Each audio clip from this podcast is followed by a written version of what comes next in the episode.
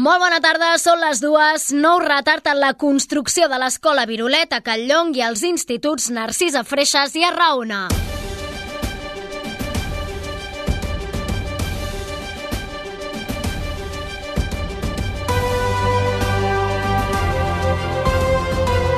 Notícies migdia. Núria Garcia.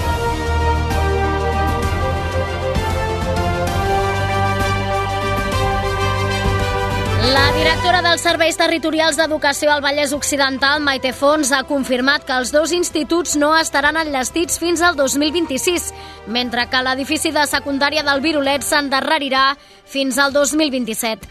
En declaracions al Cafè de la Ràdio, Fons ha detallat que els alumnes que aquest curs acaben quart d'ESO al Narcís a Freixas hauran de cursar batxillerat fora del centre. A data d'avui tenim a Surrià la promoció de quart d'ESO, i a l'espera del Narcisa tots sabem que serà un centre 3-2, que vol dir que hi haurà tres línies de l'ESO i dues de batxillerat, però efectivament, mentrestant no tinguem espai suficient, els alumnes de quart d'ESO, i ja s'ha parlat amb la comunitat educativa, rebran l'adscripció, se'ls ha assignat a dos centres del municipi, que són l'Institut Pau Vila sí?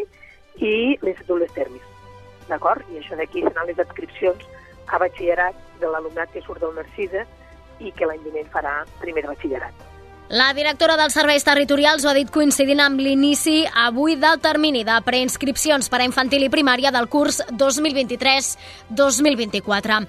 De seguida en parlarem, però durant el Notícies migdia d'aquest 6 de març també us explicarem que un jove de 28 anys ha mort en un accident a la carretera de Terrassa, que la Policia Nacional ha fet una operació aquest matí contra el tràfic de persones i de l'èxit del muntatge al Teatre dels Somnis per commemorar els 75 anys de joventut de la faràndula. Tot us ho expliquem amb l'ajuda del Toni González a les vies de so. Notícies migdia. La informació en 15 minuts. Els serveis.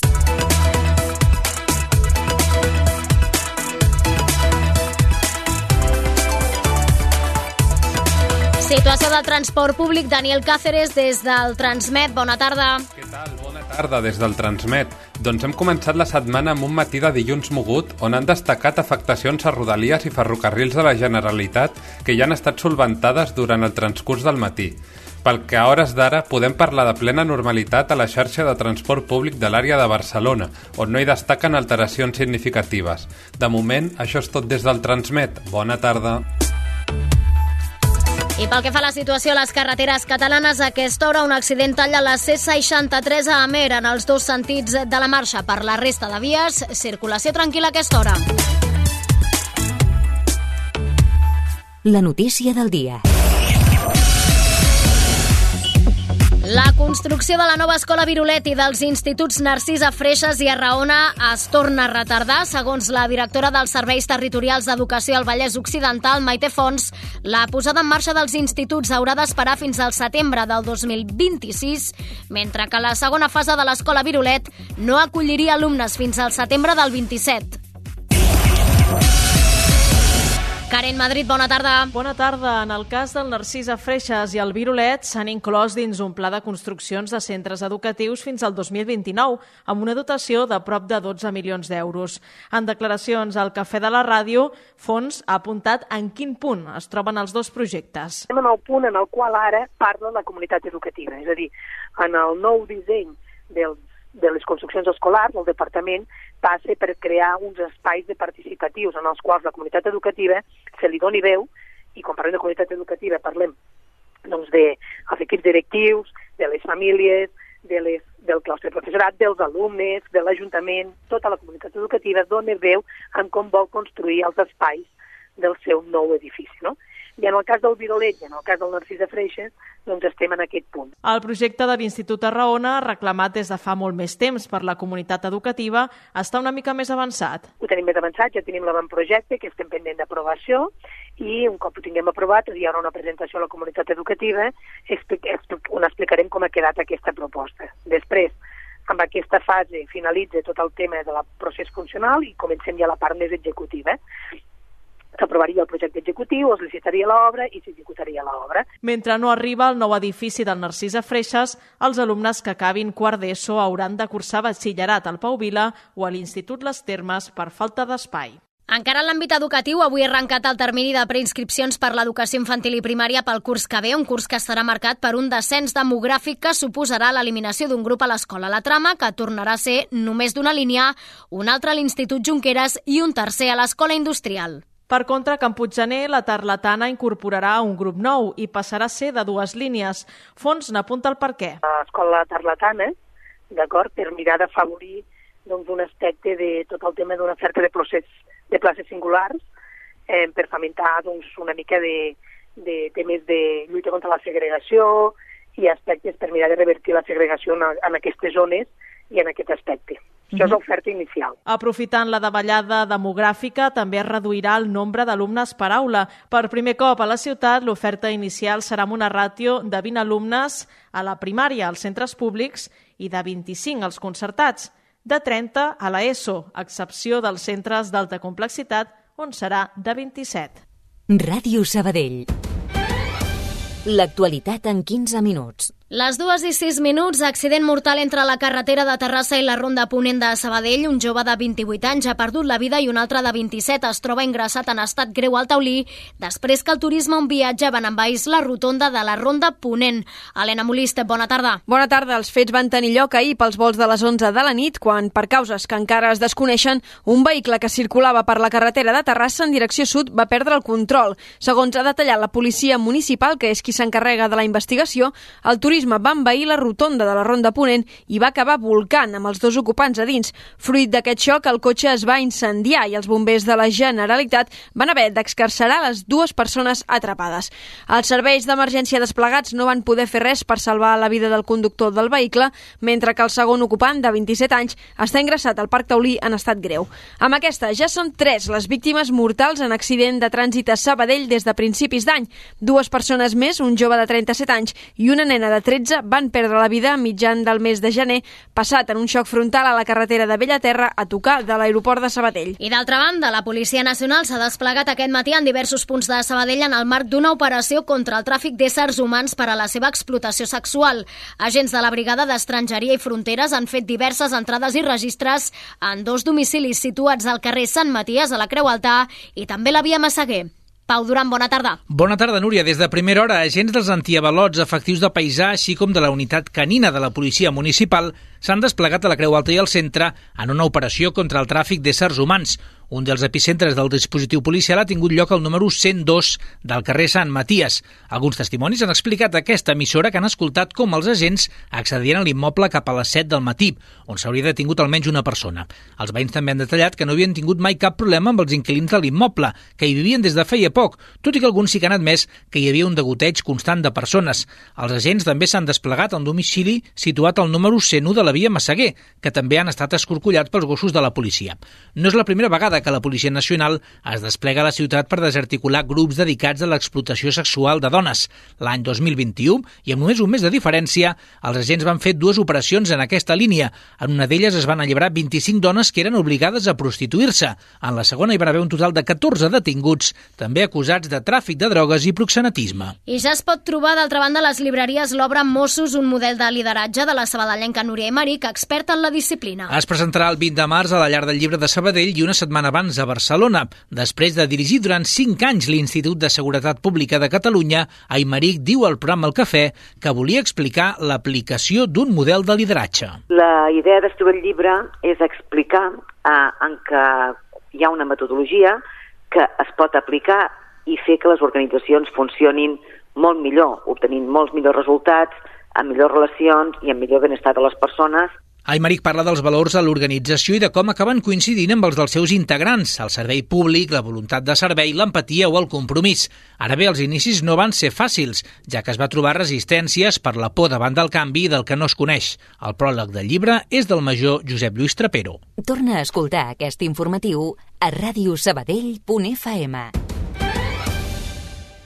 I atenció perquè el pic de casos de la grip encara pot trigar en arribar 15 dies. A hores d'ara, 4 de cada 10 virus que circulen són de la grip i la setmana passada l'atenció primària en va diagnosticar més de 10.000. Segon ens apunta Francesca Esclusa, pediatra, el principal focus en aquesta onada són els nens i els adolescents, mentre que a la gent gran es pot observar menys afectació gràcies a la protecció de les vacunes. La doctora atribueix l'explosió de casos d'enguany a la situació post-Covid. L'any de la pandèmia la grip ens va arribar molt més tard eh? però ara actualment el haver tret mascaretes i el tornar com enrere, que la gent no vigila tant, que quan es tossega no, té, no es posa màscara, que hi ha reunió de gent, tothom sense màscara, clar, eh, hi ha molta més grip de la que hi havia hagut degut a això, perquè la gent pràcticament no vigila. Sobre qui s'hauria de vacunar, Esclusa promou que els nens que comencin guarderies vacunin també.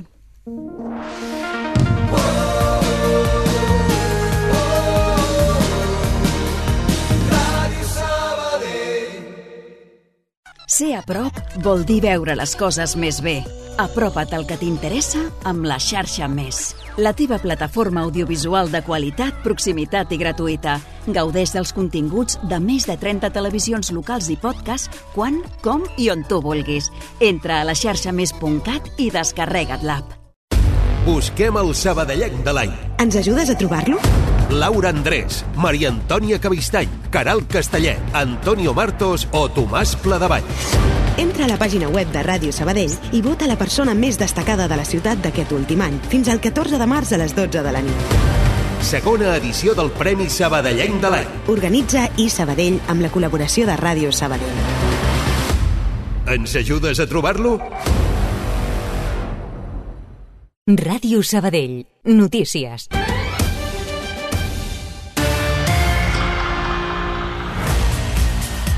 Dues i 12 minuts, el ciberatac de l'Hospital Clínic prové de fora d'Espanya, segons ha especificat avui l'Agència de Ciberseguretat de Catalunya. L'autoria seria una empresa de cibercrim anomenada Ramson House, amb la qual l'agència no hauria establert cap tipus de contacte, perquè ja ha puntualitzat que no pagarà ni un cèntim. Pel que fa a l'activitat del centre sanitari, s'han desprogramat 150 cirurgies no urgents, unes 3.000 visites a consultes externes i entre 400 i 500 extraccions. Més d'un centenar de persones del Parelló al Baix Ebre han fet 3 minuts de silenci en record als tres adolescents morts aquest diumenge en un accident de trànsit a la TV baixa 3022. Els veïns s'han aplegat a les 11 d'aquest matí davant de l'Ajuntament commocionats. La seva alcaldessa, Maria Cinta Lleó, ha afirmat que el veïnat està afectat perquè feia anys que a les Terres de l'Ebre no es vivia una tragèdia com aquesta. A més, Lleó ha explicat que encara es desconeixen les causes del sinistre, però que en aquest punt de la carretera hi havia murs de protecció, ja que es tracta d'un punt conflictiu. Cultura. Els personatges que han passat per la cartellera de la joventut de la faràndula fins a arribar al 75è aniversari han omplert el muntatge al Teatre dels Somnis aquest cap de setmana.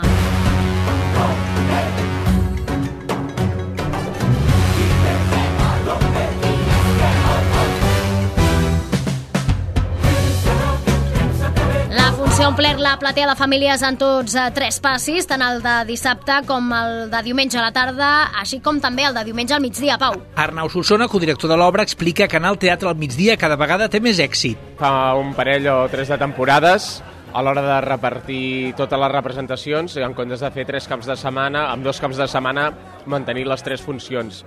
I realment eh, va costar el primer any, però mica en mica s'ha pogut eh, mantenir molt bé aquestes tres passes i la matinal la tenim plena també. A més de les obres previstes, encara faltarà una exposició al casal Pere IV amb vestuaris i mostres dels muntatges per posar el colofó als 75 anys de l'entitat. I aquest cap de setmana tornarà a la DI fins al diumenge 19 de març. El temps. Sembla que arriba una setmana amb temperatures a l'alça. Lluís Mi Pérez, bona tarda. Bon dia. Si els núvols les últimes hores han estat força abundants, sobretot al voltant de la demarcació de Barcelona, de Tarragona i del sud de Lleida, les clarianes han de sovintejar ja a partir d'aquestes properes hores. Només a Girona es carregarà una miqueta i fins i tot acabaran caient alguns ramassots, alguns ruixadets, especialment entre l'Albera, la serralada transversal i l'Alta Garrotxa. Alguna gotellada pot arribar fins al golf de Roses. Molt poca precipitació i la tarda molt suau. Allà on vagi picant més el sol acabarem entre els 14 i els 18 graus i tot plegat amb un vent que no serà especialment fort, només una mica de marinada de garbí que es reforçarà la costa daurada sobretot. Demà tindrem al matí, un ambient suau, estarà bufant el vent de ponent, una mica més intens cap a les comarques de Tarragona, allà amb alguna gotellada demà al matí, i demà a la tarda algun ruixat més apreciable a les comarques de Girona i al voltant del Montseny. Demà al vespre, la temperatura caurà en picat allà, al nord del país. Ho anirem seguint, aquí a la xarxa. Un quart de tres, marxem. Fins aquí el Notícies migdia. Recordeu que podeu continuar informats al portal de continguts de l'emissora, les xarxes socials i de nou en una nova edició del Notícies Vespre a partir de les 7. Que vagi bé, adeu.